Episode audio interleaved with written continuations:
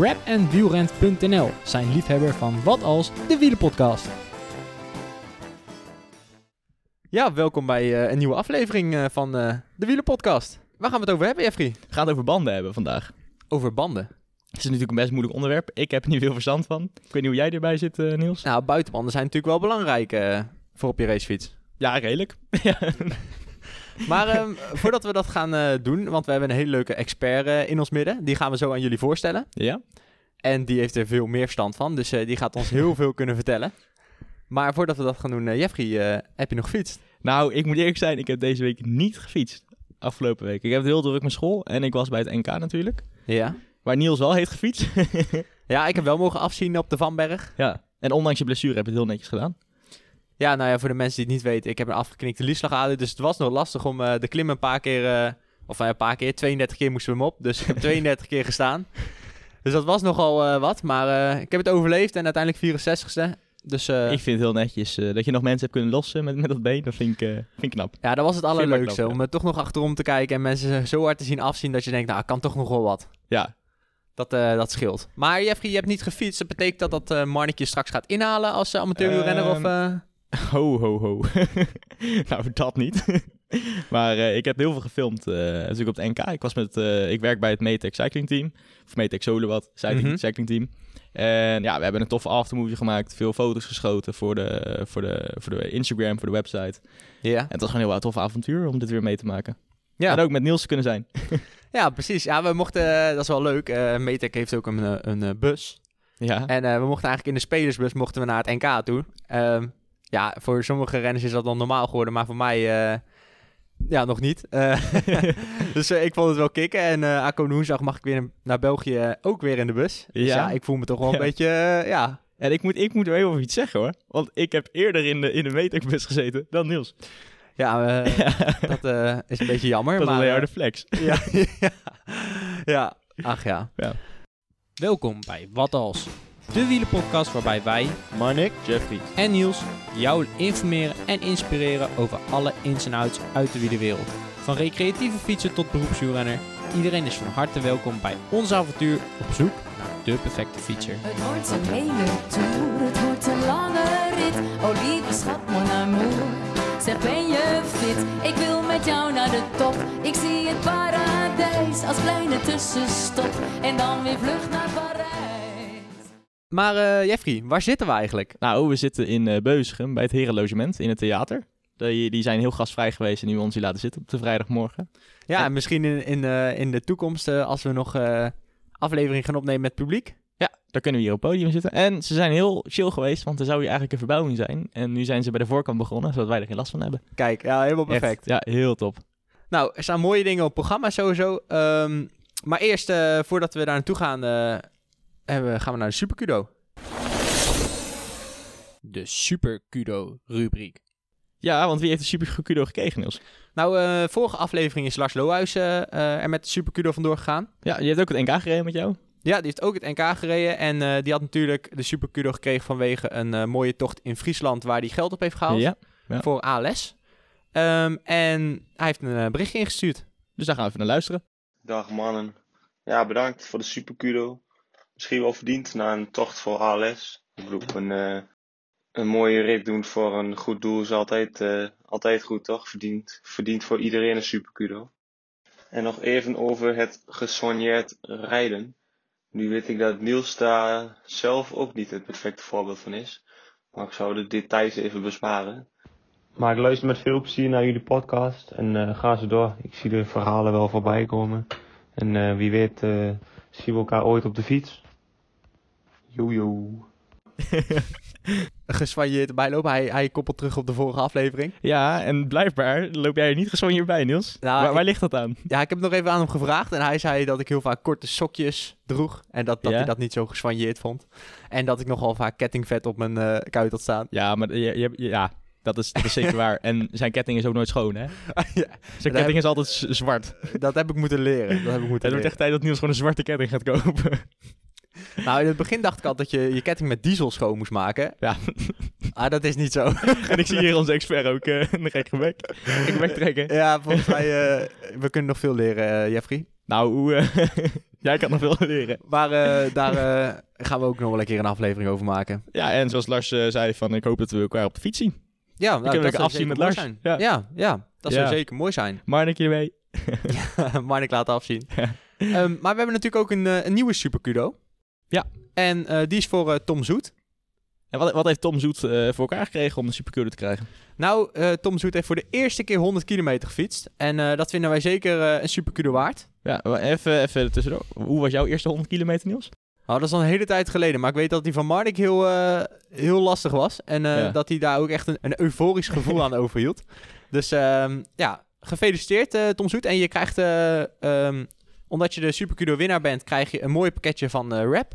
Met Ja. eh, een paar mo- mooie bidonnetjes en een mooie eh, pet voor onder je helm. Ja, en die hebben we allemaal opgestuurd gekregen van, eh, van Rap. Dus die komt jouw kant op. Ja, die komt jouw kant op. Dus laat even weten wat je ervan vindt. En of dat je de Supercudo wilt houden of eventueel wilt weggeven aan iemand die hem nog meer verdient. We verwachten wel een leuk bericht van je, Tom. ja, we zien het, eh, we zien het tegemoet komen. We hebben het natuurlijk vorige week eh, gehad over soigneren. Ja. En ehm, ja, Jeff, jij had het al over dat, eh, dat je een eh, mooi pakje ging bestellen van Rap. Want Rap heeft een nieuwe eh, collectie aangekondigd. Ja, En wij mogen ook nog eens korting geven op die collectie. Hoe gaaf is dat? ja en, en, en wat is de kortingscode, Niels? Nou, de kortingscode vind je in de beschrijving. Maar je krijgt 10% korting op het hele Zo. assortiment. Dus Dan zien we lekker gespanjeerd uit. Kun je ook nog wat van leren? ja, dat heb ik net gehoord van Lars. Ehm, dan gaan we door met de aflevering. Eh, want we- zoals we al zeiden, we hebben een eh, expert eh, van banden in ons midden. En ehm, daarvoor zit hier Ferdinand van Essen.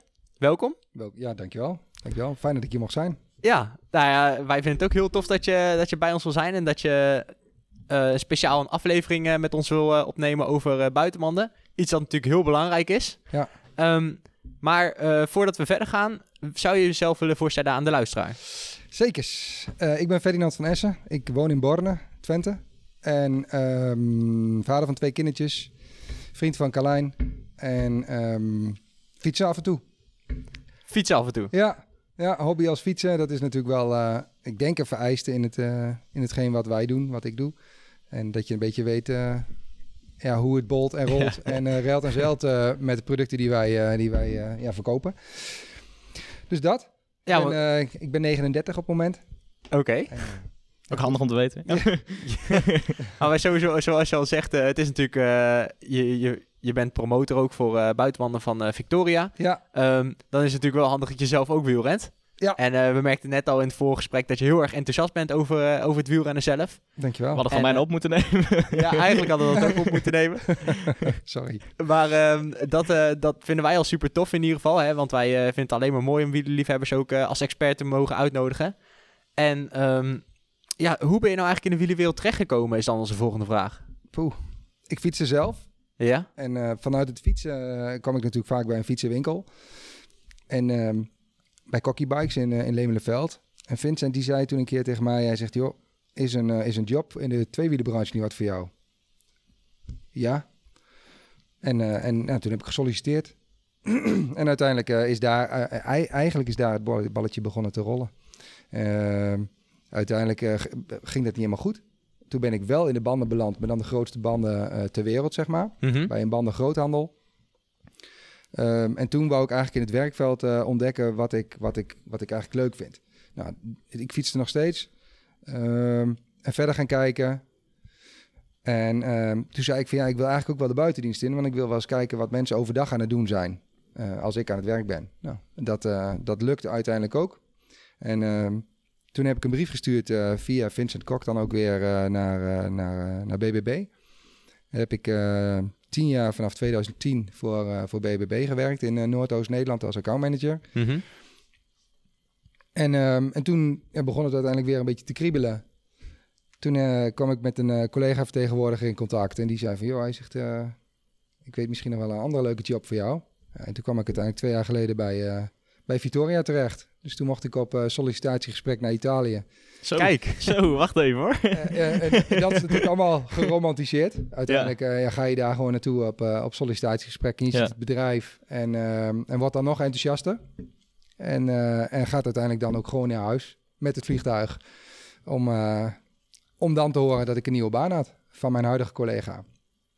En, eh, en van daaruit is eigenlijk eh, het Vitoria-balletje gaan rollen. En eh, ben ik dus eh, sinds twee jaar de sales promotor voor, eh, voor Vitoria. Dat houdt eigenlijk in dat ik niet zozeer eh, het verkopen centraal heb staan, maar wel het promoten van het merk en de producten die wij, eh, die wij aanbieden. Ons product wordt in de Benelux verdeeld door Codagex in België Mhm. en door Shimano ja, Europe, zeg maar. Ja. Ehm, en dus ik werk samen met de vertegenwoordigers van dienst om hun ja, tekst en uitleg te geven over ons product. Maar het kan ook zo zijn dat die jongens bijvoorbeeld te druk zijn met andere producten of in een bepaald tijdsbestek van het jaar andere producten eh, aanprijzen of, of aan het verkopen zijn.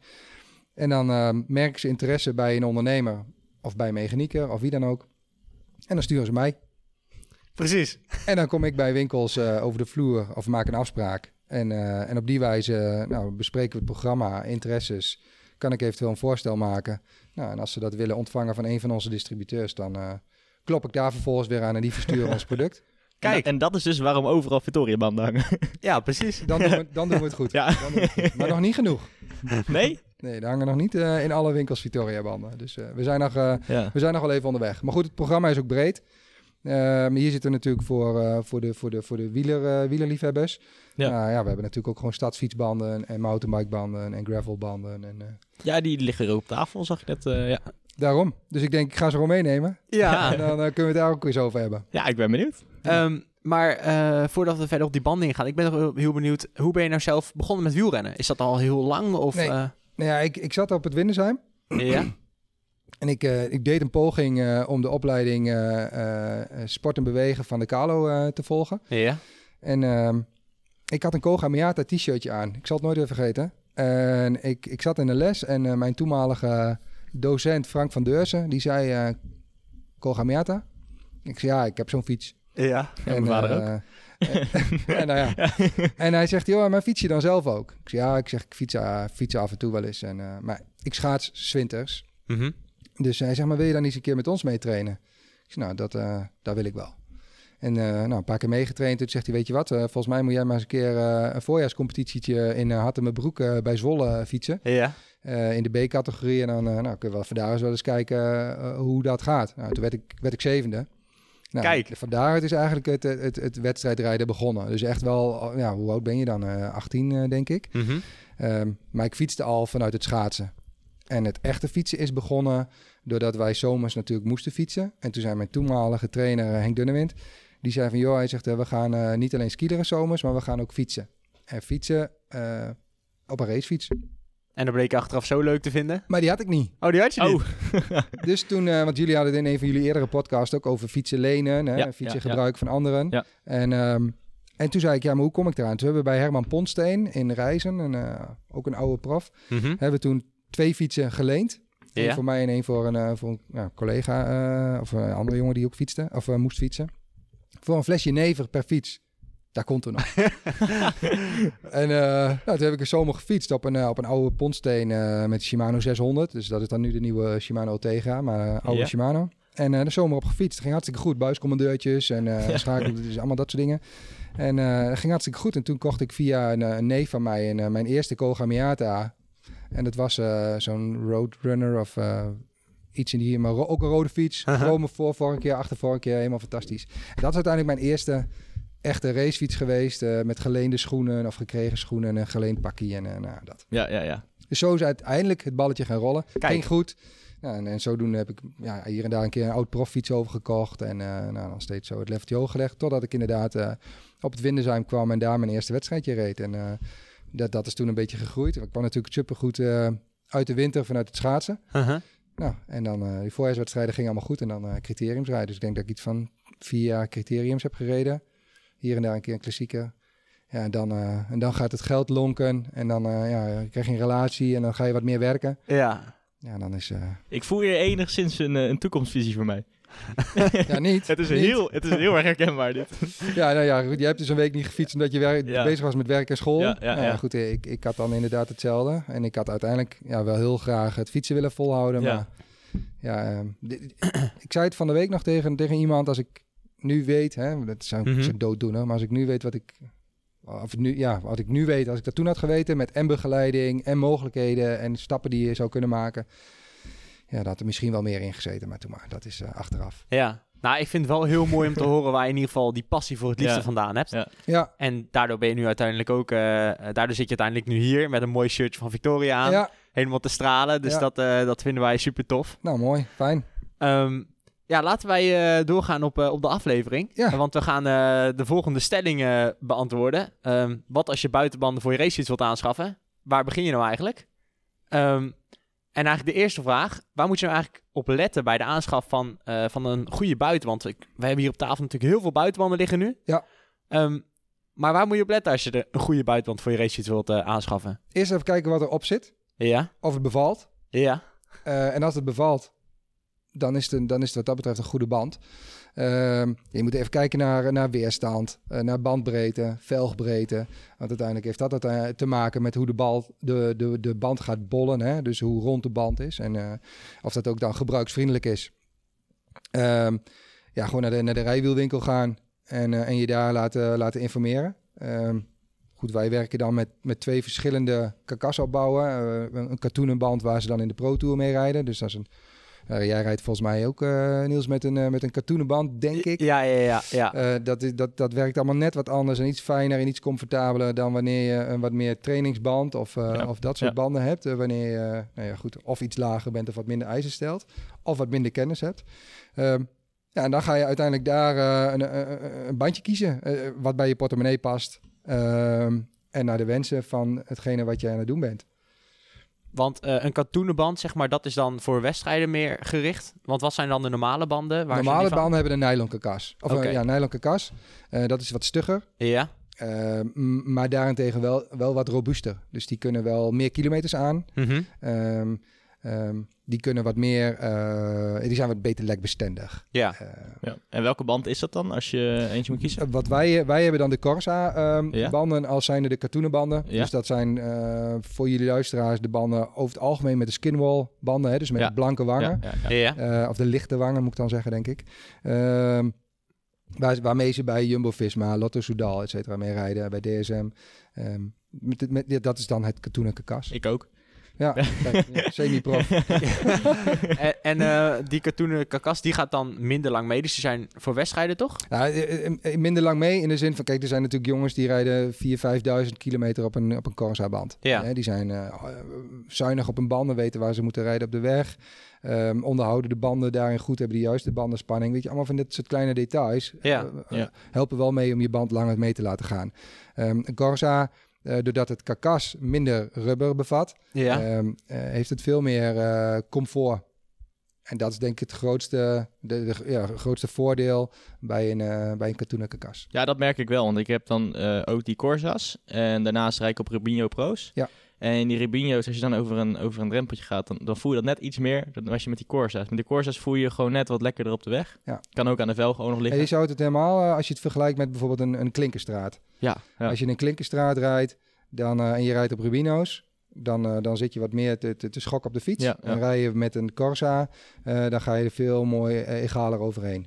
ja, dat is denk ik het meest, meest ja, in, in, indenkende eh, verschil. Ja, en ik zie het ook qua, qua profiel. Want eh, de Corsa's hebben van die lijntjes, als je Ja. het zo goed ziet. Ja. En die Rubinho's, die hebben echt, die gaan van, van links naar rechts, lijkt het wel een beetje te gaan. eh.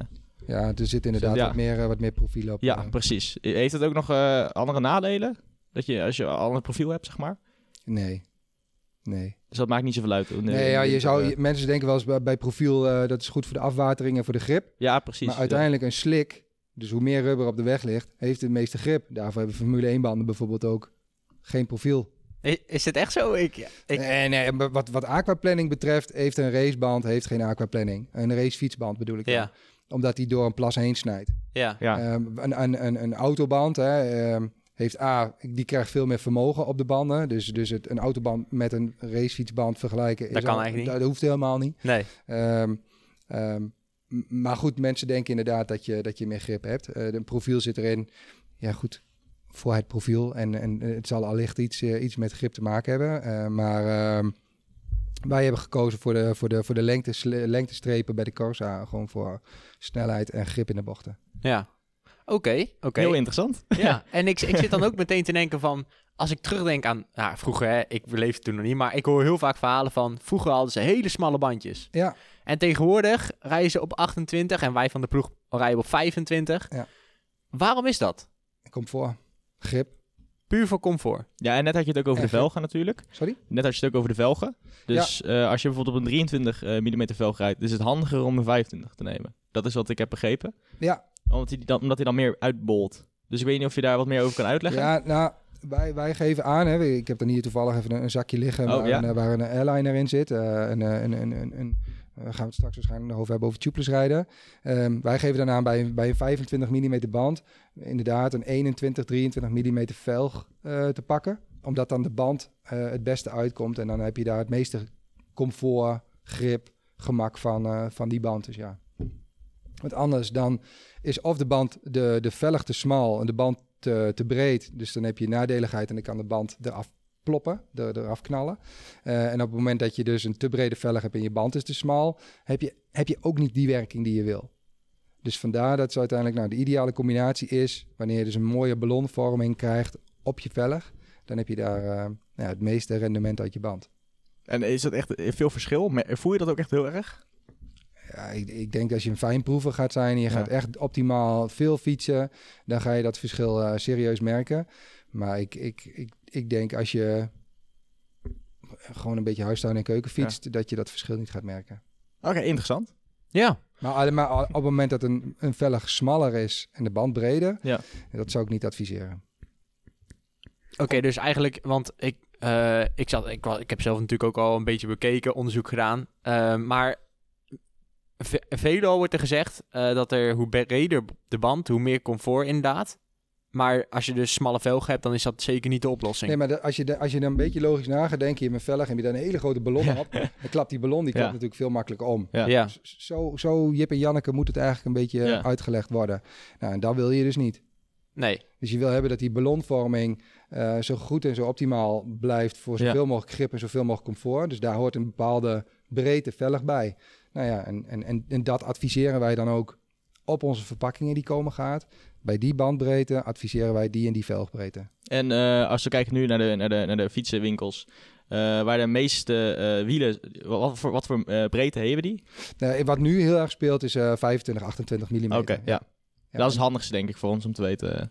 Ja. Dus als je een buitenland gaat kopen, kijk in ieder geval, 23 is eigenlijk niet meer... eh, Ja, nee. Nee, ik heb Nee. heel veel op gereden. Tenzij je zo'n zo'n retro fietsje hebt, hè, wat natuurlijk Ja. hip en happening is momenteel. Ja. Ja, daar, daar, die, daar passen soms alleen maar in het frame eh 23 mm bandjes. Dus Ja. die vraag wordt mij ook wel veel al gesteld. Heb je nog banden in die en die? Of zijn er nog banden van Victoria in drie- 23 mm? Ja. En die zijn er nog wel. Maar die worden niet echt heel, meer, heel erg meer aanbevolen. Nee. En hoe breder de band, hè, eh, er zijn 35, 36 eh, mm bandbreedte. Natuurlijk komt dat voor. Wanneer het in jouw racefiets past, dan, eh, dan rij je met een bredere band, heb je meer comfort, dus dan ben je nou, een relaxte fietser. Maar in, in, in, het, in, het, in het snelle segment, dus als je het hebt over, over elite renners, eh, wedstrijdrenners, die rijden met 25 en 28. Oké. ja, interessant. Ik, eh, ik, ik wist eigenlijk helemaal niet dat, dat, zo, eh, dat het zo werkte. En Roubaix, jij zult dan straks nog een keer Roubaix gaan rijden. Ja, Dan ga je, dan ga je, dan ga je naar 30, eh, 30 mm band. Ja. Maar dat komt ook omdat we ze opnieuw allemaal op schijfrem rijden natuurlijk. Dan heb je wat meer eh Nee, ja, speling, ja, dus je remklauw eh, is weg. Ja. Dus dat, dat, dat, dat neemt natuurlijk het weg dat je je, je, je band-velgcombinatie niet tussen je remklauw eh, past. Ja, als dat ding weg is, dan kun je natuurlijk... En je frame laten toe. Ja, Dan, eh, je dat is stuk- tegenwoordig wel zo. Daar hadden we het laatst over. Is dat, dat de frames uh, de voorvork ook wat breder worden. Waardoor Ja. er wat meer band nou, in ik was eh, vorige week in de winkel, die probeerde een, eh, een 28 mm eh, Rubino, eh, het middensegment band van ons, eh, te monteren in een C50. Ja, dat past er niet. Ik kon alleen maar tot 25 mm in die, in die C50 Comago. Prima, niks mis mee. Hartstikke goede band. Alleen ja, die man die wou wat meer comfort, comfort rijden. Ja, sorry. ja, dan gaat het niet. Ja. Dus ja. nou, ik, ik zit nog eens... eh, eh, want eh, je hebt het over Parijs-Roubaix bijvoorbeeld. Dan rijden ze natuurlijk op 30 mm. Ehm dat komt, komt dat ook omdat ze dan zachter kunnen? Minder Ja. druk erin? Ja. Ja. Dus Ja. Hoe, hoe breder de band, hoe minder druk erin hoeft. Klopt. Dat is niet logisch in mijn hoofd, maar En er zijn heel veel dingen niet logisch Nee. in de wielenwereld. Maar uit- uiteindelijk, als je dom gaat nadenken, dan klopt het weer wel. Tenminste, dat doe ik dan voor mezelf. Ik Ja. probeer alles een beetje te redeneren naar een Jip en Janneke verhaal. ja. En, ehm, ja, en dan, dan wordt het uiteindelijk logischer. Want op het moment dat je een bredere band hebt, minder spanning, absorbeert die veel meer de oneffenheidjes. En uiteindelijk ehm, ehm, ga je dan dus contact houden met de weg. Want als je een hele harde band hebt, hè, van vroeger uit eh, willen mensen allemaal nog met 8 bar rijden. Daar, Ja. kon, daar kon op 23 mm wat je zegt. Ja, ja. Ehm, maar hoe, hoe breder de band wordt, hoe lager de spanning wordt. En daarbij is lichaamsgewicht van de rijder plus fiets ook afhankelijk van je bandenspanning. Dus op het moment dat je een hele harde band rijdt, Ja. dan doe je uit- uiteindelijk doe je dan alleen maar stuiteren. ja. En op het moment dat je bij een stuiter geen contact hebt met de weg, heb je ook geen grip. Dat is zeker waar. Ja, dus je, je zit wel wat in. Dus als je dan, als je dan toevallig in de bocht ligt, Ja. Eh, dan ga je onderuit. dan lig je in de bocht even later, want ja, je hebt geen grip. Ja. Dus, dus als het er bijvoorbeeld, eh, hè, kom ik weer met mijn klinkerweggetje aan.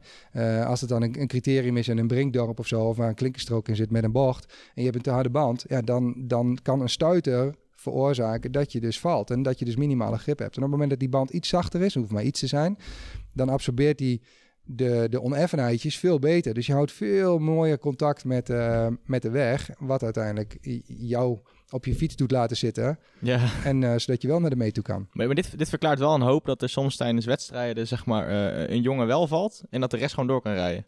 De Eens, Ja. maar ook wanneer je in, en helemaal als je in de regen rijdt, Ja. dat, je, dat je bijvoorbeeld met iets lagere bandenspanning minder snel valt. Omdat die band, die, wordt la, wordt, die druk wordt lager, dus Ja. het oppervlakte wat de weg raakt is hoger, is groter. Dus, dus je hebt veel meer contactmomenten met, eh, met het contactmoment met de weg is vele malen groter. Dus je hebt veel meer grip.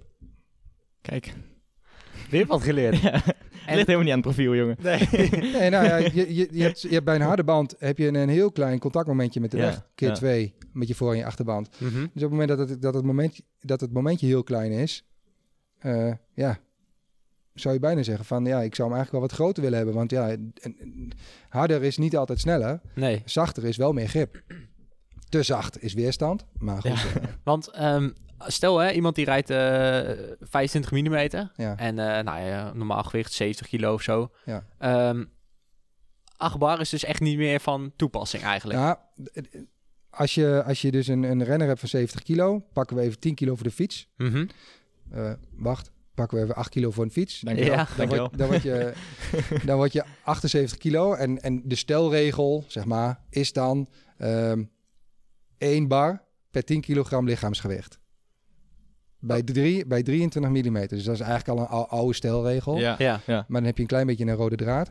Ehm, dus dan heb je 78 kilo. 23 mm is een 7,8 bar. Ja. Ehm, ga je naar 25, haal je er een bar af.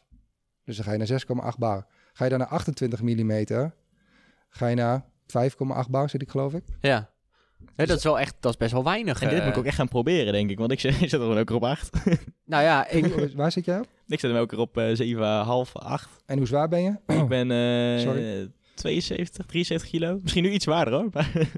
Nou ja, het, het, is, het is echt te Ja. proberen. En op het moment dat je dan dus Ja. het vergelijk eh, eh, gaat testen, bijvoorbeeld Ja. op, op, eh, op een asfaltweg en dan vervolgens op een oneffen strook, ja, dan ga je, ga je echt aanzienlijk eh, groot verschil merken. En jij bent dan ook nog ehm, voorzien van twee verschillende wielsets, begrijp ik. Met één Rubino en de andere is dus met een katoenband. Ja, Ehm, Corsa's. Als je, als je dat allemaal met, met elkaar gaat vergelijken, dan, dan zal er een wereld voor je open gaan. Nou, eh, hou de Instagram in de gaten. Dan eh, ga ik volgende week even testen. Maar dit is dus wel, dit is dus iets wat, wat heel veel jongens niet doen. Die pompen inderdaad de band op acht bar. En, ja, ik had geen idee. maar acht bar, op het moment dat je dus... En dan heb, kom ik weer met mijn Jippe Janneke verhaal. Maar op het moment dat je dus een elastiek oprekt en je houdt er wat tegenaan, dan Ja. knapt je elastiek. ja. Dus op het moment dat je een band heel hard oppakt, eh, oppompt, eh, dan is de kans op lekrijden natuurlijk vele malen groter. Ik dacht altijd dat het andersom was. Of er werd tenminste altijd me een beetje verteld door mijn vader, zeg maar. Maar die had ook niet zoveel verstand van. Nou, Maar, Sorry pap. ja, sorry pap. Maar ja, die had altijd gewoon iets van... Ja, als je een hardere band hebt, dan schiet je de steentjes weg. En als je een zachtere band hebt, dan prikt hij er doorheen. Maar eigenlijk is dat helemaal niet zo. Het Dus, zou eh, misschien wel eens andersom kunnen zijn. ja, ik, Ja. ja. Maar zo, zo gaan er best Handig. wel veel feitjes en fabeltjes door de wielerwereld over banden. Ja. En ehm, bijvoorbeeld, eh, we hebben het dan nu even over lekrijden. Eh, hoe zit dat precies?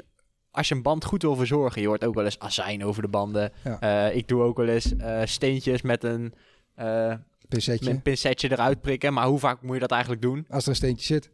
Ja, maar als je band een beetje versleten raakt, dan zitten er eigenlijk altijd wel steentjes in, Ja, toch? maar ja, die moet je eruit wippen, want een, een band is poreus. Hè? Een band is, is, is, Vroeger, toen ik bij de grote banden werkte, zeiden ze: een band vergeet nooit.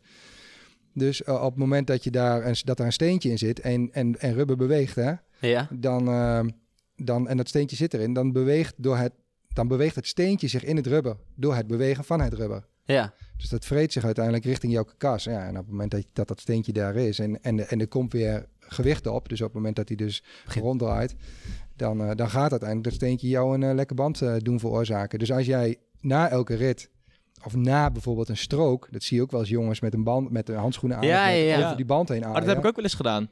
Om die ja. band weer schoon te maken. Ja, ik was met eh Marnik in Limburg. En ik denk dat jij dit verhaal heel vervelend gaat vinden. maar er lag een eh, net nieuw geasfalteerde weg met allemaal kiezels erop. Ja. En eh, wij komen er al in de buurt. We zien iedereen die banden leegvegen. En ik denk, wat is dit nou? Dus wij rijden door, we rijden door. En toen ik rijd in één keer die strook op. En ik kijk naar mijn banden en ik zie alleen maar stenen en allemaal Ja. asfalt erop. Alles plakt. Ja, dus ik ben meteen omgedraaid. En ik heb meteen met water allemaal banden helemaal schoongemaakt. Nou, dus dat, vind ik niet vervelend. Dat is alleen maar mooi. Ja, het is maar- voor jezelf. hè? Ja, zo. Maar echt, ik was, ik was zo bang op dat moment. Ja, nou ja, maar dat is uiteindelijk het, het, het beste wat je zou kunnen doen. Ja. Dat geldt voor jou dan ook, Niels. Als je eh, denkt, eh, denkt dat er een steentje in je band zit, hup, stoppen, eh de ding eruit pielen. Want jij wilt geen lekker band. Ja. Dus dat- ik denk dat je dat goed doet. En, Oh. wat je, wat je, en dan ontstaat er vaak een klein sneetje. hè. Ja, Ja. En dan zijn er jongens die bijvoorbeeld dan eh, een drupje secondenlijm daarin, daarin laten. zo ja. En dan is dat gaatje gedicht, dus daar kan ook geen vel meer inkomen. Maar even over gaatjes dicht. Ik had nog een vraag. Eh, is het eh, fabel of feit een beetje? Eh, je hebt, als je een, een lekker band rijdt, dan heb je een gat erin. En sommige jongens die hebben dan geen eh, binnenbandjes meer als ze op zijn. Maar die hebben dan nog wel een jelletje in hun achterzak zitten. Een leeg jelletje. Maar heb ik eens een keer gehoord dat ze dat lege jelletje in de, binnen, in de, in de buitenband doen. En daar de binnenband weer tegenin doen, waardoor die niet leeg loopt. Heb je hier ooit, over, ooit al gehoord? Ja, maar er zit dan toch een gat in je binnenband. Ja, maar hij loopt dan niet leeg, omdat ze dat jelletje ertussen doen. Maar dat, dat kan toch helemaal niet? Nou, maar dit is wel een thuiskomer blijkbaar. Want ik Eh, heb ik- het een keer iemand zien doen en die kwam wel gewoon thuis. Nou, ik, ik kan uit ervaring spreken. Ik ben twee, drie jaar geleden ben ik naar eh, Tenerife geweest. En toen zat ik in de afdaling. En ik remde kei en keihard, omdat er zeg maar een, een, een hobbeltje naar beneden zat in de afdaling. Waardoor ik zeg maar niet kon zien wat er aankwam. Het was op een smalle weg, dus ik vol in de remmen, omdat er een auto aankwam. En dan had ik gewoon spontaan voor- en achterlek gereden. Ja. En ik had maar één bandje bij. Chips. Dus toen eh, heb ik voor eh, heb ik ver- verwisseld. Maar achter had ik zo hard geremd dat mijn buitenband... dat die gewoon helemaal weggeslipt was. Ja, op. Dus toen heb ik wel eh, een plasticje van een jelletje... heb ik tussen die band en mijn binnenband gedaan. Want ik kreeg van een voorbijganger gelukkig een, an- een tweede binnenband. Ehm, en daarmee ben ik verder gaan afdalen. Maar dat is levensgevaarlijk. Want hij klapte vervolgens weer in de afdaling. En gelukkig ging niet op mijn plaat. Maar ja, dat, dat is geen eh, ja, thuiskomer. Wat je wel, eh, je, je hoort wel eens dat er een scheur in je band zit. Ja. Nou, een scheur, die, da- dan komt de binnenband door de scheur naar buiten. Wat ja, misschien bedoel ik dat. Ja. Kijk, en, en, en, en dan, dan heb je dus wel Ja. een nieuw, nieuw binnenbandje gestoken waarschijnlijk. Ja. En, maar daar zit die scheur er nog steeds in. Ja. Dus op het moment dat dan je nieuwe binnenbandje door je scheur van de buitenband komt, ehm, heb je natuurlijk heel snel ka- kans op lek Ja. rijden, want ja. Dat ding is hartstikke fragiel. ja. Ehm, wat je dan zou kunnen doen, en dat heb ik bijvoorbeeld in mijn zadeltasje, is dat ik een stukje buitenband, in dit geval van de Corsa, heb geknipt. Een strook van eh, 10, 12 centimeter. Daar heb ik de bandranden, want die zijn hard, heb ik ervan afgeknipt. En die zou ik dan aan de Kijk. binnenkant van de scheur, aan de bin, dus in, in de binnenkant van je buitenband, dat lapje kunnen leggen. Dan de nieuwe binnenband daar tegenaan en dan oppompen. Ja. En, en dan heb je dus hetzelfde wat jij bedoelt Ja. met je jelletje. Ja. Dat je dus dat gat dicht. Maar nog iets beter. Waardoor je, nou ja, nou ja, maar goed, eh, of dat een jelletje is of, of een Corsa stukje of een, is, ik hoor ook wel eens dat ze een deel van een autoriem, hè, van een gordel eh, mee hebben, want dat is natuurlijk Kevlar, dus Ja. eh, dat kan ook niet zo snel kapot. Maar dat ze in ieder geval een strook van iets hards bij hun hebben in een zadeltasje wanneer je een scheur rijdt, dat je die scheur kunt dichten en daar je band, binnenband tegenaan doet, waardoor je buiten, binnenband niet meer door je buitenband heen komt. En dan heb, dan, dan heb je serieus een goede oplossing. Ja. En dan kun je naar een plek toe waar je je buitenband kunt vervangen. Precies, dan moet je niet mee door blijven rijden, maar dan kun je thuiskomen. Dus maar eigenlijk is dit wel echt een handige tip. Ga je ergens fietsen waar je geen eh, directe hulp hebt, waar je misschien geen bereik hebt op vakantie straks. Ja. Is het op zich wel handig om een, een stukje band of iets, iets van katoen in je, in je zadeltasje Nee, te ja, ja, dat is zeker. En, en Ja. een kettingpons Ja? Een, eh, een kettingschakel, dus een, eh, een sluitstukje. Ja, ja. Ja. En, en zo'n dingetje, dat zijn voor mij altijd de drie elementen die ik altijd bij me heb. Nou, ik weet wat ik thuis ga doen. Even een stukje band afknippen. Even, even kijken wat er in je zaal Ja. zit. Ja, precies. Nou, ik heb hem er niet in zitten, dat weet ik wel. Ja. Nou, dat is in ieder geval wel een hele goede tip. Ehm, ik denk ook een andere eh, breed vraagstuk waar we graag eh, op in willen gaan, is eigenlijk, eh, je hoort natuurlijk heel vaak draadbanden, tubes, tubeless rijden. Wat is nou eigenlijk het verschil tussen dit allen? Want draadbanden zijn natuurlijk hè, met een binnenband erin. Eh, ja, vertel. Ja, draad, draadbanden, dat is, eh, voor de fietsenmaker is denk ik de draadband bekend als zijn de ronde band. Dus de, de, ik heb hem eh, meegenomen. Eh, draadband als zijn rond, niet vouwbaar. Ja. Eh, dan heb je een clincher. Ja? Een clincher is een vouwband. Eh, open clincher wordt die ook wel eens genoemd. Een vouwband, dus dat is wat hier op tafel ligt met een elastiekje eromheen. Zo koop je hem, kopen jullie hem denk ik Ja. ook in de winkel. Ja, Mhm. ja. Ehm, dus dat is zeg maar de, de, de standaardband. Eh, en dan heb je de tubulaar. En de tubulaar is eh, de gelijmde band. Dus daar waar Jumbo-Visma in dit geval mee rijdt en, de, Ja. en veel profs. Ehm, en als je dan vervolgens kijkt naar de, de draadband, dus de ronde band. ehm, dat is vaak de goedkopere band. Die zit er of af fabriek op, of wordt, eh, wordt door, door de mechaniekers in de fietsenwinkel eh, gemonteerd als goedkope band, opknappertje voor tweedehands fietsjes, bladibla. Eh, gewoon weinig inkoop, eh, verkopen en het is goed opgelost. Ja. Prima band, value for money. Dan heb je het middensegment met de clincher. dus dus de, de vouwband. Prima band. Voor iedereen redelijk makkelijk te monteren, denk ik. Eh, maar dan, dan ga je naar buitencategorie en dat is dan die clincher, of die tubulaar. Daar zit een binnenbandje in. Dus er zit een, een latex binnenbandje in. De band zit dichtgenaaid en vervolgens lijm je die op je velg. Oké, want het, wat is het verschil tussen een normale binnenband en een latex binnenband? Is gewoon andere stof? Of? Eh, normaal is de zwarte binnenband, zoals wij hem allemaal kennen. Dat is een Ja. bu- butylene binnenband. Eh, die is best wel eh lekgevoelig. Mhm. Goed, eh, maar die is super licht, luchtdicht. En eh, nou ja, eigenlijk dat wat hij moet doen, doet hij prima. Een latex binnenband is natuurlijk vele malen lichter. Ja. Ehm, is poreus. Dus wanneer iemand met een latex binnenbandje wil rijden, heeft hij super weinig rolweerstand. Omdat hij, eh, ja, hij, hij past zich makkelijk aan. Ehm, maar daarentegen moet je wel elke keer als je gaat fietsen, moet je een latex binnenbandje op, oppompen. Volgens mij heb ik een latex, latex binnenbandje gehad. Want elke keer als ik aan het fietsen was, dan was die einde van de rit was iets zachter. Ja. En als ik dan de volgende dag terugkwam, dacht ik, is je nou lek? Ja. Of dan was ik gewoon helemaal leeg. Ja, nou dat is dus inderdaad Ja, een, stond ik eh, weer te pompen. Toen heb ik uiteindelijk gewoon normale binnenbandjes erin gegooid. Want dat vond ik gewoon veel fijner. geen probleem. Nee, en ik merkte eigenlijk niet zoveel eh, ja, verschil. veel fijner omdat je niet meer op hoefde te pompen. Ja. Maar uit rijgemak was waarschijnlijk rijgenot. Was Ja. waarschijnlijk met de latex ja, binnenband. ja, beter. ja, zeker. Ja. Maar eh, de buitenband zit er opgeplakt, zei je? Ja, bij wat wij doen met de Corsa, dus, eh, dus de clincherbanden met een katoenen karkas, Ja. daar, daar lijmen wij inderdaad het loopvlak op. Ook Ja. bij de tubulaars. Die worden onder spanning, dus wanneer de lucht in zit, de band, dan wordt er onder spanning de, de, het loopvlak erop gelijmd. Eh, bij, eh, bij een, een nylon karkas, dus bij de goedko- goedkopere clinches, zeg maar, Mhm. Ehm, daar wordt eerst alles voorbereid, eh, alles opgelijmd en dan gaat hij vervolgens in een autoclaaf, dus in een, eh, in, een, eh, in een verwarmingsmachine, zeg maar. En die gaat onder hoge druk, onder een mal, wordt dan het profiel en het een en ander in elkaar ja, onder warmte verlijmd, zeg maar. Die, die, haal- dan haal je die machine weer open en dan heb je eigenlijk een klare band, haal je er dan uit. Dus die wordt door warmte wordt die gevormd. Ehm, dus daar zit wel degelijk verschil in. Oké. Eh, en heb je natuurlijk de tubes. De, de tubes, dat is de tubulaar. Oh, oké. Dat is degene die erop wordt gelijmd. Ja, En maar wordt dat, wordt dat nog vaak gebruikt dan? Bij, ja, bij de profploegen dan? ja, ja oldschool, retro. Mhm. Eh, dus Eroica bijvoorbeeld, dat zijn dan die oldschool eh, retro evenementen. Dus oude fietsjes, oude wedstrijdfietsjes en zo. En, ja, eh, dat is in Italië, toch? Ja, maar die komt dus ook eh, straks in Limburg. Oh. In Nederland, Oh. daar zijn wij dan zelf ook waarschijnlijk bij. Of wij sponsoren dat ook. Ehm, daar zie je nog veel oldschool dingen tevoorschijn komen. Hè? Dus echt mooie oude kolnageltjes, Pinarello, Eddy Merckx fietsjes en eh, dat soort dingen. En daar, daar willen ze dan vaak ook vanuit het retro effect een, eh, een tubulaar op hebben. Ja. Ehm, dus ja, 23 mm, eh 25 mm, wat er dan in kan. Ehm, dat is vaak de tubulaar. En ehm, als je nou lekker rijdt met zo'n band, Ja, ik wil net hoe, zeggen. hoe zit dat dan? Ja, dan, eh, dan, dan, dan, ehm, dan vormt zich het loopvlak, wordt dan, eh, wordt dan breed en dan, en dan kun je nog een heel klein stukje doorfietsen. ja. Eh, maar dan, dan, dan moet je eigenlijk, zoals de profs krijgen, een nieuw wiel hebben. Omdat je hem, ja, onderweg kun je hem dan niet plakken. Nee. Wat je nog zou kunnen doen is dat je er via een klein spuitbusje, wat wij dan ook hebben, eh, kun je er een, een vloeistof eh, in inspuiten. Ja. Dan, Ja. dan, dan pomp je als het ware de band op en dan komt er een sealant komt er mee, eh, wat uiteindelijk het gaatje gaat dichten. Maar het is niet ideaal. Het is een thuiskomertje creëren Ja. mee. Maar uiteindelijk is, is de, de tubular band is, is een super fijne band om mee te rijden.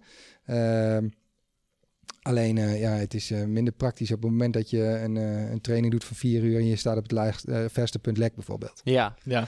Dus voor amateurwielrenners is het niet echt eh, nee, aan, nee, nee, te nee, aan, nee. aan te Nee, bevelen. zie je? Gewoon niet nee, doen. Nee, nee, nee, nee, nee, nee, nee, nee. Maar het, ja, het, het wordt nog veel gebruikt in het profpeloton, eh, de, de, de, de geplakte banden dan, Ja. zeg maar. Ja. Maar wat je nu heel veel ziet is dat ze richting Tube Plus gaan. Mhm. Dus dat is de clincher zonder binnenband. Ehm, ja, en dat, dat geeft uiteindelijk ook veel rij, rijcomfort. Ehm, ehm, gemak als in, er zit een vloeistof in die het gaatje kan dichten. Dus je kunt door. Eh, en wij bieden dan ook nog eens een, eh, een mogelijkheid om daar een airliner in te doen. Dus dat is een soort van worst die je, in je eh, op je velg legt, in je band legt. Mhm. Dus op het moment dat je dus lekker rijdt, dat je nog een 50 kilometer kan doorfietsen op een wielband airliner combinatie. En in die 50 kilometer staat of je auto, of Oh je ja. Ja, woning, precies. of je oom of tante of zo woont daar wel. Ja. Of een station. Of het station Ja. inderdaad. En, eh, en, en die fietsen maken misschien wel die jou Ja. een nieuw buitenband kan geven. Eh, dus dat, dat, dat eh, een stukje veiligheid, wanneer je dus in die afdaling zit en, en je hebt een lekker band. Dat je in ieder geval nog iets tussen je velg en de weg hebt zitten wat je grip Geeft. geeft. Ja. Ehm, en da- ja, dat, dat is, we proberen daarmee onzekerheid weg te nemen bij mensen die denken aan tubeless rijden. En we, we voegen veiligheid toe en een thuiskomertje toe bij mensen die reeds tubeless rijden. Ja, Dus, maar dit vind, ik, ehm, dit vind ik wel mooi. Want ik zag eh, mensen die tubers reden met, met velgremmen. Ja. Dat is in de afdaling bij de, eh, dat is de Mamot. ja? Nou, daar rijdt natuurlijk hartstikke hard. En uiteindelijk waren die remmen te heet geworden. Ja. En toen klapte zijn band. Maar toen had hij niet zo'n dingetje erin, zeg maar. Zo'n Nee, nee, bandje. wij zijn, eh, wij zijn de Ja. eerste die met een, eh, met een invulling komen voor op de wegfiets. Ja, precies. Ja. Ehm, maar dat wat jij schetst is ook zo bij het profpeloton. Wanneer je dus inderdaad een lange afdaling hebt met geplakte banden en inderdaad met velgremmen. Ja. Ja, de, je weet je zelf, lijm lost op bij een bepaalde warmte. Ja, en dan, dan heb je de kans dat, ehm, dat je tubular, dus je gelijmde band van je velg af gaat. Dus de schijfremmen heeft daarin ook een voordeel. ja, precies. Dus dan, dan, dan is er best een grote kans dat je band dus klapt in die afdaling. En dan kan het best links zijn. Ik denk een klapband is altijd Ja. link. Ja, ja, dat sowieso. ja, Los van schrik, maar ook het feit dat in één keer Ja. al je, weg, eh, je lucht weg is en in één keer al je grip Ja, weg is, ja. is altijd gevaarlijk. Maar volgens mij gaan steeds meer amateurwielrenners ook op tubeless rijden. Omdat het dus best wel veel eh, voordelen biedt. Ja, je hebt minder, je hebt minder weerstand. Hè? Iets, iets in je band zorgt voor weerstand. En, ehm, en de airliner die waar, waar we het dan nu over hebben, die wordt kleiner omdat de druk in de band hoger wordt. Eh, dus dat ding gaat eigenlijk in je velgbed liggen. Ehm, dus hij raakt de buitenband niet. Dus nou, je weet zelf, wrijving is weerstand. Dus op Ja. het moment dat niks wrijft, dan heb je geen weerstand. Hij is 25 gram, dus het gewicht eh, is het ook niet. En het biedt wel een, een thuiskomertje op het moment dat de lucht uit de band gaat. Want dan wordt deze vervolgens weer terug groter. Ja. En, eh, en gaat dus tussen je buitenband en je velg eh, liggen. Dus je, je houdt daarmee eh, nog grip op, op je ondergrond. En ik denk ook dat stootlek, dat is een stuk minder kans op. Omdat er natuurlijk niks tussen zit waar die op Ja. kan stoten. en dan Ja. komt Robert er weer bij kijken. Want Ja. dat wil ik dus eerst aanhalen. Ja. Is dat ze, als ze over kasseien rijden, dat ze meestal op tubeless rijden. En gravel. Zag ik vooral eh, die wedstrijden. Eh, ja, ja, ja, ja, Ja. Tubeless, Tubeless begint meer en meer te komen. Ja. Eh, ook in het profpeloton. Ja. Eh, er zijn diverse teams die nou, eh zoals UAE en, eh en EF Education, die rijden nou Ja. met de airliner. Christophe won, won als eerste prof eh, Gent-Wevelgem met een airliner in zijn tubeless banden. Ehm, dus ja, die mannen die zijn, daar, eh, die zijn er wel enthousiast over. Eh, ook, wanneer, om, ook omdat je door kunt rijden op het moment dat je lekker rijdt. Ja, dat, dat is denk ik het meest fijne. Maar je rijdt sowieso met tubeless minder snel lek. Omdat de Ja. kleine lekhuizen die worden dus volgespoten en ja, minder grote kans. Dus Ja. als je kasseien rijdt, gravel rijdt en je hebt een echt een belangrijke wedstrijd. Ik weet dat een andere ploeg in de continentale circuit, die reed toen op eh tubeless bij een wedstrijd met kasseien. En die hoefde veel minder te stoppen en veel minder wielwissels te doen dan de rest van de ploegen. De rest van de ploegen stonden allemaal, op, allemaal opzij, zeg maar. Allemaal wielwissels gedaan en zij konden alleen maar doorrijden.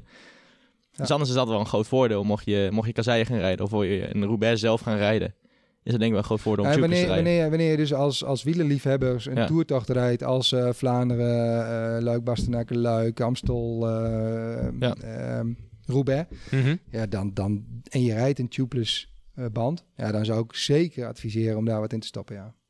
Los van latex, eh, vloeistof, maar ook eh, eh, een airliner. Omdat Ja. je inderdaad stootlek voorkomt, eh, maar ook door kunt en naar een, naar een, naar een wisselpunt eh, kunt rijden. Ja, want dat was bij mij een beetje het ding. Ik wilde best wel gaan naar Tubeless. Mijn eh fast forward velgen zijn er ook Tubeless ready. Maar ik wilde het niet doen omdat ik bang was dat als ik lekker rijd. Dat is een maat van mij, die heeft ook Je Tubeless. velgen kapot rijdt. Ja, dat ook. Maar ook dat hij zeg maar niet thuis kon komen. Nou ja, omdat hij helemaal leeg stond. En hij kan geen binnenband kwijt op zijn velgen. Want dat zijn over die plakranden of zo. Eh, hoe zit dat? Hij van die eh Dura-Ace eh, velgen. En daar kan hij geen binnenband op kwijt. Omdat je hebt geen velgrand. Ah, zo, je hebt eh hookless rims, denk ik. Ja, dat. dat ja. Dus er zit geen haak aan de, Ja. waar de band... eh, Ja. En hoe zit dat in elkaar? eh, eh, je hebt een, normaal gesproken heb je een velgbed als zijn een U-vorm. Ja. Eh, Mhm. Daar zit aan, eh, aan de bovenkant van, eh, van de pootjes rechtop staand eh, zit een soort van haak. eh, waarbij je, je bandrand achter haakt. Ja. Ehm, ik hoop dat je dat snapt. Ja, ja, ja, dat Ehm, snap ik. Ja, en, op, en, op, en dus als je tubeless, een band tubeless maakt, dan hoor ik wel eens plop plop. Nou, Ja. Dan, dan, ja. dan plopt dus uiteindelijk je band in die haak. Dus in, in, in, ja, in, in, Ja, in een haakje. ja. Ehm, en bij hookless is dat dus niet. Dus dan kun je hem niet kwijt. Dan moet Dus hij ja, dat staat rechtop. Ja. En eh, nou ja, goed, daar zijn dus banden geschikt voor. Onze banden zijn daar op dit moment nog niet. Tenminste, dat adviseren wij dus niet eh, om ze op hookless rims eh, te monteren. Ehm, maar ja, maar Ja. Voor, bij mijn weten kan daar, wel een, eh, kan daar wel een binnenbandje in. Maar het zou misschien te maken kunnen hebben met de ventiellengte van die vriend van jou. Dat Ja, die misschien de heeft lengte ook, van het eh, ventiel er niet doorheen kan Ja, die heeft ook nog een lange... een, een, Ho- een hoge ventielen, Ja. hoge, hoge velgen en dan een kort ventieletje Ja. erbij. Ja, dat lukt natuurlijk niet. Ja, maar goed, als die dus inderdaad... als- En jij bijvoorbeeld met je fast-forward wielen, Ja. wanneer dat carbonwielen zijn en je rijdt tubeless. Ehm, kijk, het, het, het latex spuiten, hè, want eh, er zit, er zit nou, gemiddeld zeg maar tussen de 6 en de 7 bar in een buitenband. Ehm, latex, die, eh, doordat er een, een, een, lekkage is, door de hoge druk wil die latex natuurlijk naar buiten. Nou, en doordat hij dus dat gaatje in gedrukt wordt door de hoge druk, dicht hij uiteindelijk dat gat. Zo moet je het zien. Ja. Ehm, maar als het gat iets groter is en je bent nog steeds aan het fietsen, dan spuit die latex door dat gaatje heen. Dus Ja, dat dus heb ik wel eens gehad. eh. Dat is heel herkenbaar bij heel veel fietsers en dat Ja. houdt ook heel veel fietsers tegen om eh tubeless te gaan rijden. Ja. Gesmeer, gedoe. Ja. Ja. ik weet nog dat ik twee jaar geleden mocht ik voor het eerst met zo'n tubeless band rijden bij eh, mijn oude ploeg. En eh, toen had ik inderdaad ook lek. En toen was het echt zo... Ja, ja, En echt alleen maar wit spul. Dat ik dacht, Ja. wat gebeurt hier, Ja, weet je wel? Je fiets, je kleding, alles komt eruit te zien als Ja. Goed, dat kunnen we dus niet tegengaan, want die, die druk blijft hetzelfde. En die latex die wil gewoon naar buiten Ja. bij een Ja. gaatje. Ja. Dus op het moment dat die, dat die druk is afgenomen, ehm, en dan gaat, wordt het spuiten ook minder. Nou, dan krijg je dus uiteindelijk te weinig druk in je banden. En als dat ding dan, die airliner, eh, zich er weer he- heeft uitgezet, ja, dan, dan ga je dus inderdaad die, die deinsing krijgen Ja. in, je, in je wiel. En dan, eh, dan kun je gewoon Ja. doorfietsen naar... eh, nou een goede plek. naar een goede plek om of te stoppen of om... Nou ja, Nou, dan gaan we eh, even door. Want ik, ik zat ook nog wat, wat, wat, wat kleine puntjes nog. ehm, eh, om gewoon handig is om te weten. Hoe lang kan je nou eigenlijk met een buitenband doen? Ja. En wanneer zie je dat die versleten is? Ik weet eh, dat sommige buitenbanden hebben een puntje in de buitenband staan. Ja. En daaraan kun je zien dat die versleten is. Ik weet niet, heeft elke buitenband zoiets? Of slijt, slijtage-indicatie. ja. Eh, nou, wanneer je, buitenband, je binnenband naar buiten komt, dan eh, moet je hem sowieso vervangen. Ehm, en wanneer je op een gegeven moment draadjes gaat zien, dan moet je hem vervangen. Wanneer die vierkant is afgesleten, ja, dan, dan krijg je minder, eh, minder goed de bocht door. Ehm, ehm, dat. Ehm, wanneer je voor een, eh, een belangrijk evenement staat, ehm, dan zou ik wel, eh, wel overwegen. Niet ruim, niet, niet kort voor die tijd, maar ruim voor die tijd dat je in ieder geval nog een paar keer die band hebt gevoeld. ja. Dat je een beetje test mee hebt gereden, zeg maar. Dus dan zou, ik, dan zou ik een bandenwissel doen, ja. En hoe, hoe lang gaat een buitenband zeg maar mee? Want we weten nu wat de slijtagepunten zijn. ja. Op basis van jaartallen ga ik niet zeggen. Nee, maar ik bedoel qua Eh, kilometers kilometers. Nou, de, eh, als je het hebt over, eh, over, een, eh, over een Saviro Pro, eh, dus de goedkopere band in ons segment. Ja, dat is een, dat is een hufteproof bandje. Die, die, zit, eh, die zit op 7.500 kilometer. Dat is, dat is wel Ja, dat is serieus heel lang. veel. Dat is heel veel, ja. Ja, ja, maar dat is ook een stuggere band. Eh, er zit Ja. veel meer rubber op. eh, dus dat is wel een kilometer, kilometer vreten. Dat is ook een goede winterband dan. Een eh, goede, goede ja. winterband, goede trainingsband in de winter inderdaad. Eh, wanneer je, eh, wanneer je ehm, de Rubino Pro pakt, eh, geven wij daar ongeveer 5000 kilometer voor. Maar ook dat heeft te maken met bandenspanning, gewicht van de rijder, eh, waar je fietst, eh, hoe je fietst, eh, veel slippen, nou, de gekkigheid uithaalt.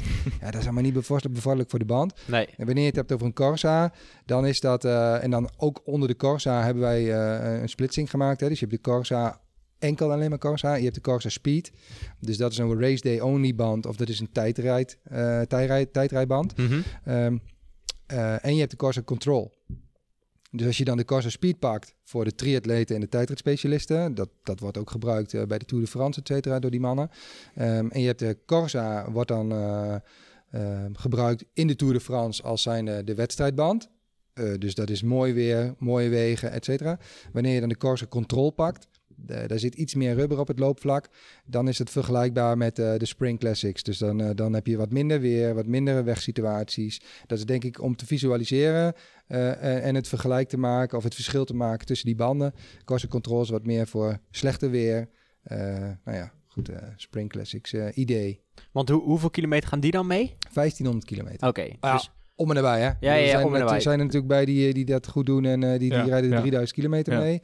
Maar ehm, ja, de Corsa is gewoon, eh, is gewoon een high-performance band. Heel Ja. eerlijk. Dus Ja. dat is het paradepaadje. En dat is eh, ja, voor veel trainingskilometers ehm, is deze niet, eh, niet eh, ja, Nee, dan hebben we hier de Rubinho liggen. Hoeveel gaan die ongeveer mee? 5000. Oké, want ik ver- verwissel meestal ongeveer op de 4, 4,5. Omdat ik er soms ook wel mee koers en eh, Ja. best wel veel gekkigheid uithaal. Van soepjes afspringen. Ja. Dus dan heb ik iets van, nou dan vervang ik hem liever iets eerder. Dat ik iets minder snel goed. rij. Weet Ja. je, dus dat, dat, is, dat is schil aan jezelf. Ja. En het is ook niet zo dat, het, eh, dat het, als die met drie, ki- 3000 kilometer mee gaat, dat er garantie op zit. Want eh, het zijn slijtage onderheven ja, producten. ja, ja, zeker. Dus, dus daar kan ik niet meer bij. Kijk, bij, er zijn heel veel, heel veel mensen die kopen een Corsa op basis van kleur. Want ik vind hè, de lichte kleur op de wang vind ik mooi. Het ziet er mooi uit, ja. En mooi is natuurlijk Ja. niet altijd een, Nee. een garantie voor goed. Ehm, dus die rijden bijvoorbeeld heel veel lek met Corsa's. Ja, Ja, dan dan Ja. is dat misschien ook wel een, een weersindicatie. Hè? Dus heb je in een, in een wat mindere weersperiode gereden met Corsa's. Ja, dan is die kans daar. Want het is een Ja, kast. tuurlijk. ja. met enkel en alleen maar een laagje rubber. Ehm ja, daar gaat natuurlijk eh, een steentje zo doorheen. ja. Ja, precies, precies. Dus dan kun je beter de trainingsband eh, nemen die 5000 kilometer meegaat door het slechte weer. En dan hè, als je een wedstrijd wil rijden of Ja. eh, een mooie prestatie wil leveren, gooi dan die Corsas erom. Ja.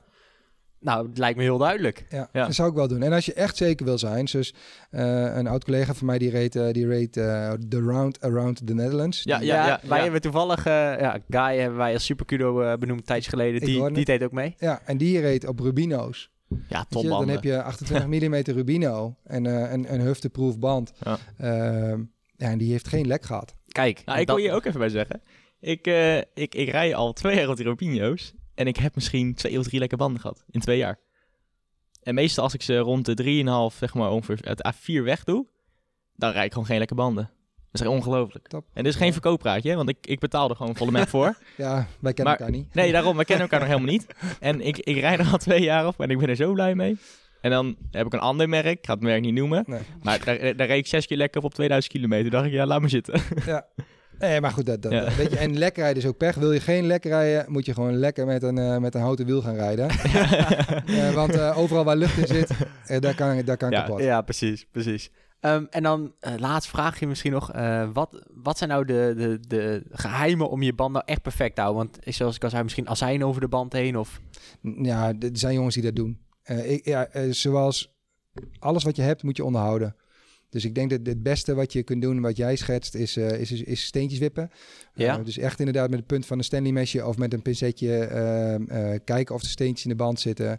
De band schoonmaken na elke rit. En door dat te doen, Ja. ehm, dan, voorkoop je, dan voorkom je een, een boel, eh, boel ellende, ja. Oké, En, nou, en dat steentje wippen. Even, het klinkt misschien als een dummy, maar doe je dat met een harde band of met een zachte band? Eh, dat kan beide. Ja, op het moment dat, die, dat, die, eh, dat de band zacht is, dan, eh, dan vervorm je uiteindelijk Ja. de band een beetje zo. En dan, krijg- Ja. dan creëer je een soort van opening. Nou, dan, of met je nagel wip Ja. je de, tik je er dan zo een paar keer tegenaan. ja. Maar dat doe ik Ehm, normaal, maar ik wist niet zeker of dat goed Ja, was. ik denk dat dat het Nee, makkelijkste ja, is. tuurlijk. Steentje, alles wat, wat, wat er niet thuis hoort in een band, dat, eh, dat, dat moet eruit. En helemaal uit het loopvlak. Ja. En als je band hard is, ja, dan, eh, dan, dan, dan, dan, ja, eigenlijk met je nagel of met Ja. dat pincetje wip je dan een paar keer tegen het steentje aan. En vaak Ja. door de spanning wipt die, ja, vloept die eruit. Ja. Nou, dan heb ik nog één vraag. Allerlaatste. Ja, Eh, en dat is een vraag van een luisteraar. Eh, en die vroeg zich af of dat hij beter eh, de Corsa Tubeless of de Turbo Cotton Latex binnenband kon rijden. Goeie specifieke vraag. Los van merk. ehm, is, zit er, en dat is, dat is algemeen getest. Hè? Dat kun je vinden op YouTube via GCN bijvoorbeeld. Mhm. die, heeft, ehm, die heeft dan in mijn geval eh, positief ge- getest. Niet zozeer positief getest, maar er komt een positieve uitslag uit de test eh, met Vittoria banden. En die heeft dus eigenlijk alle banden die we net hebben omschreven als zijn eh, een clincherband, een tubeless ready clincherband en een tubular. Die drie hebben ze alle drie van de Corsa op eenzelfde type wiel gelegd. En daar hebben ze uiteindelijk de test mee gedaan wat uiteindelijk het snelste is.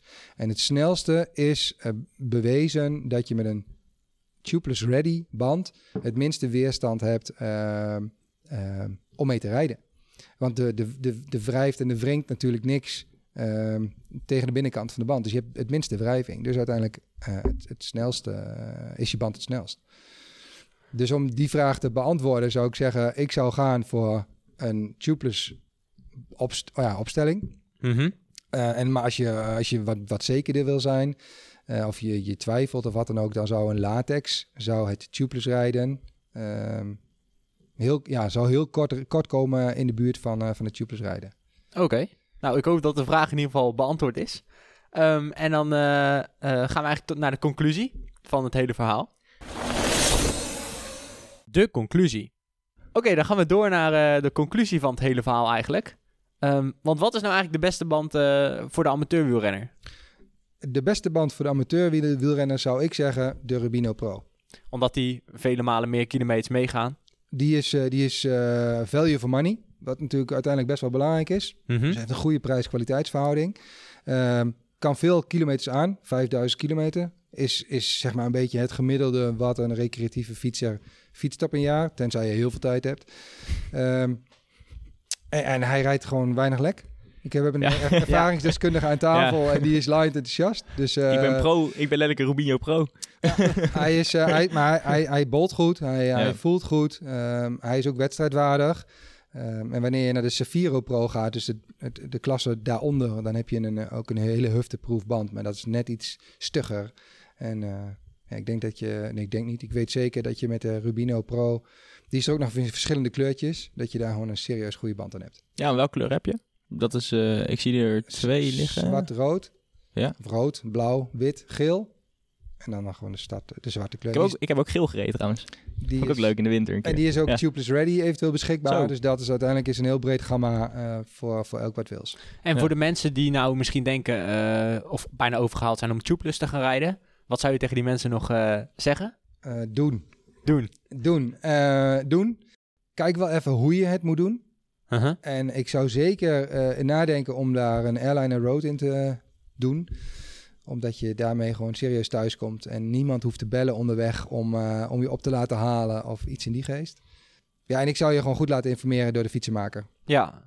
Ja. Ja, ik vind het wel interessant, want ik denk dat ik wel voor die eh, airliner ga kijken. Voor de koerswielen tenminste. Dat als je lekker rijdt, dat hij gewoon wel alsnog die die tubes leeft.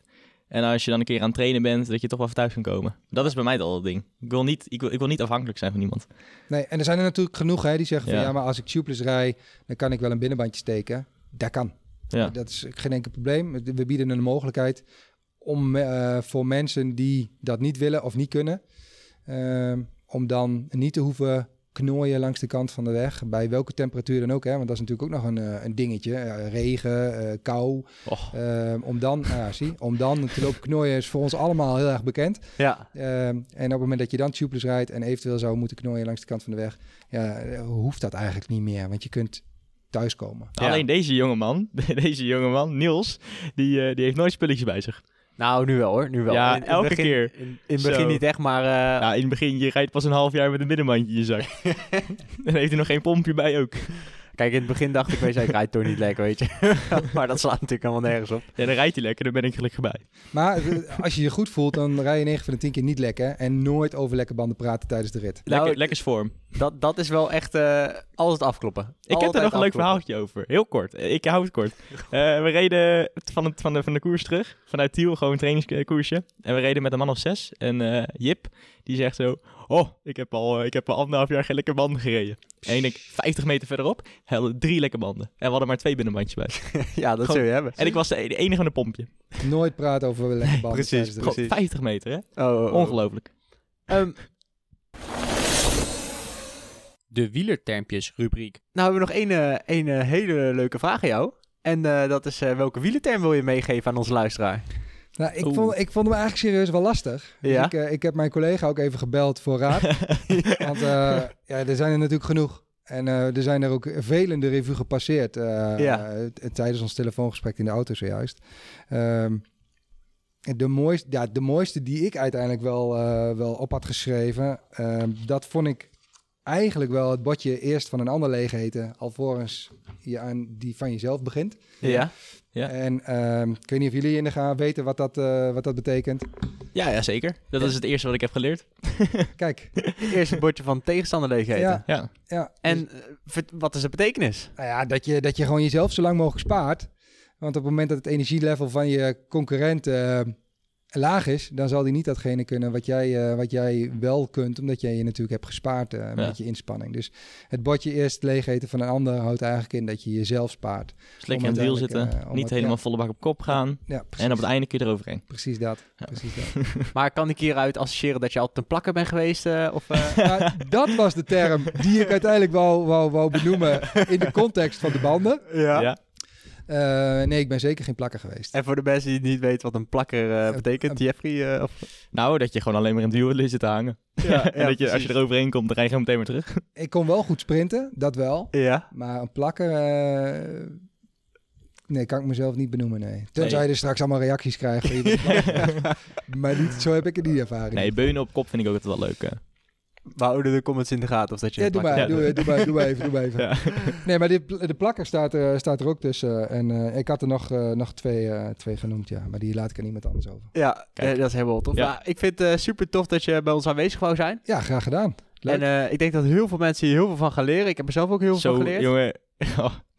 Mochten, mochten er nog vragen zijn, eh, schroom niet om, eh, om jullie eh, te contacten. En eh, ja, er, is, er is nog zoveel te vertellen. Want we hebben nu natuurlijk alleen maar over racefietsbanden gehad eigenlijk. Ja. Maar eh, er, zijn, eh, er zijn nog wel wat meer banden die, eh, die we kunnen laten zien en onder de aandacht kunnen brengen. Want ik weet zeker dat jullie luisteraars ook wel eh, gravelen en mountainbiken. Ja. Ehm, Ja, laat even weten of dat jullie daar nog meer over willen weten. Dan eh, nemen we misschien nog wel een, een aflevering met Ferdinand op. ja, geen enkel probleem. Ja, ik ben benieuwd. ja, nou dan was dit het voor deze keer, eh, jongens. Top jongens. Maar Niels, wat vond jij nou echt het hoogtepunt van deze aflevering? Hoogtepunt? Nou, dat ik niet meer op achtbaan moet rijden. Nee, nee ik denk dat ik echt eh Tubeless misschien wel interessant ga vinden. Met die extra, extra eh, thuiskomen, zeg maar. Vind ik het wel, eh, vind ik het wel heel interessant. Ja, dat is ook wel echt Ja. een, eh, een punt dat mij ook wel eh, heeft verbaasd. Ik heb Ja. Niels, Niels de hele uitzending alleen maar zien draaien met zijn ogen. Zo van, oké, dat wist ik nog niet. Dat wist, dat wist ik nog niet. hey, dat kan ik ook wel eens proberen. Ja. En ik heb volgens mij nog een vraag. hey, er schiet me nog een vraag te binnen. Ja. Ik heb alleen maar bedenkelijk zitten kijken. Ja. Dus dat is alleen maar mooi. Kijk, kijk. Ja, ik heb me hier nooit in verdiept. Zeg maar, En- ik dacht van, oh, ik heb een goede band. Nou, Ja, en, en dat uiteindelijk, eh, en dat mag best in de uitzending hoor, dat, dat je precies dat wat jij zegt, ik heb me daar nooit in verdiept. Ja. Ehm, dat is iets wat niemand doet. Maar uiteindelijk het niet verdiepen in je banden. Dit, en eh, je maakt je wel Ja. druk om een roze, wit, blauw stuurlichtje. En om de kleur sokken die je draagt. Maar om, om in feite de contactpunten die je hebt met de weg, wat uiteindelijk jou voorstuwt, maar wat jou uiteindelijk ook op de fiets laat zitten, en daar, daar maak je je niet druk om.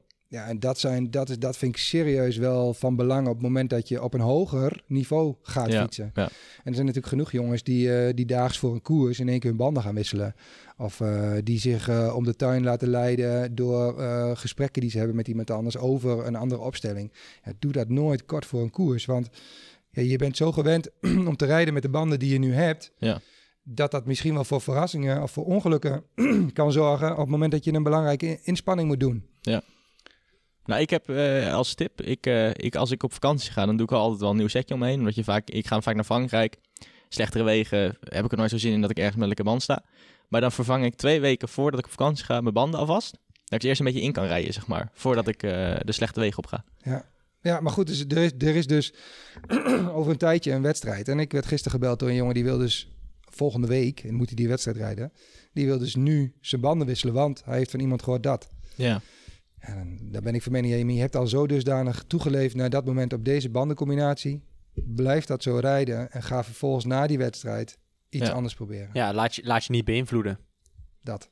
Nou, ik denk een eh, hele toffe afsluiten. Ja. Nou, bedankt voor het luisteren in ieder geval. Graag gedaan, En jongens. bedankt En, voor het toffe gesprek. Ja, bedankt voor het toffe gesprek. Graag gedaan. En dan eh, zien we jullie bij de volgende aflevering. Tot de volgende keer.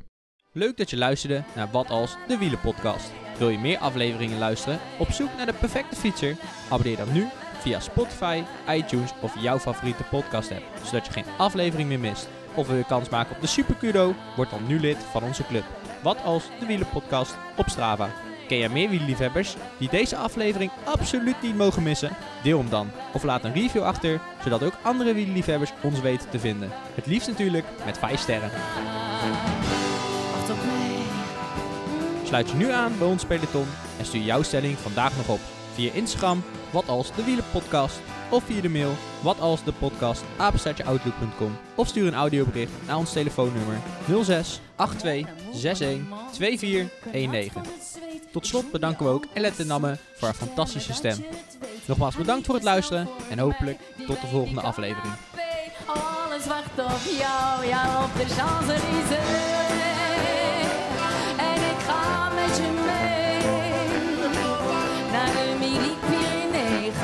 just now for